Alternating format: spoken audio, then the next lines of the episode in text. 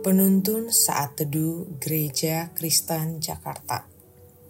Minggu 18 Februari 2024 Dengan tema Pemeliharaan Allah yang ajaib. Firman Tuhan terdapat dalam Rut pasalnya yang kedua ayat 11 dan 12 Demikian firman Tuhan. Boas menjawab dia telah diceritakan orang kepadaku segala sesuatu yang kau lakukan terhadap ibu mertuamu sesudah kematian suamimu. Bagaimana engkau telah meninggalkan ayah dan ibumu, serta tanah kelahiranmu, lalu pergi kepada bangsa yang dulu tidak kau kenal.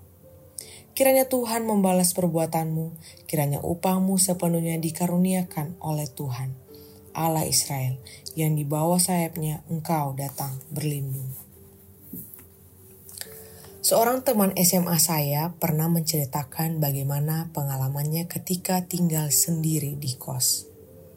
Layaknya anak kos pada umumnya, ia sering kesulitan untuk ketersediaan makanan.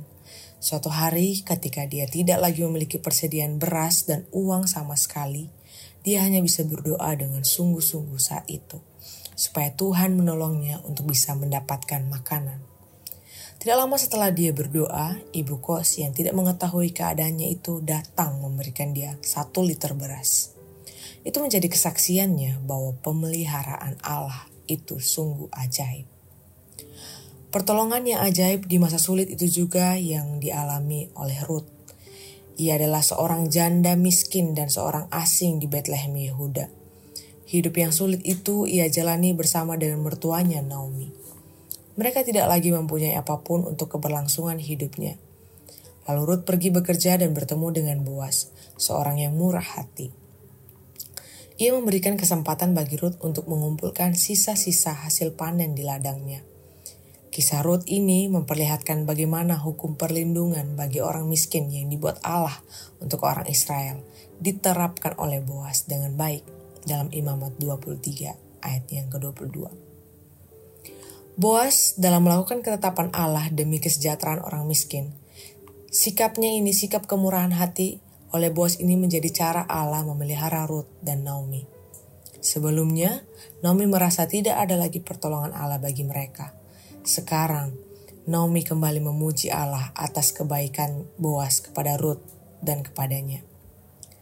Allah selalu mampu memelihara manusia dengan caranya yang tidak terduga. Mempercayakan kehidupan kita kepadanya dapat membuat kita menyaksikan pemeliharaannya yang ajaib. Ketaatan orang lain terhadap firman Tuhan juga sering kali menjadi cara Tuhan untuk memelihara kita. Seperti pada waktu-waktu tertentu ketika kita sedang membutuhkan sesuatu, Tuhan sedang mengajarkan arti pemeliharaannya. Ketaatan orang lain untuk membagikan apa yang ada padanya menjadi cara pemeliharaan Tuhan dalam hidup kita. Selain itu, bisa saja ada orang lain yang Tuhan ingin pelihara secara ajaib melalui ketaatan kita akan firman Tuhan.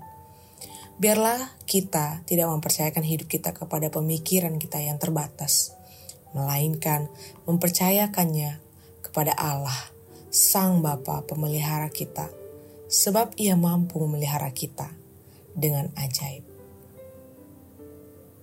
Pemeliharaan Allah itu sungguh ajaib.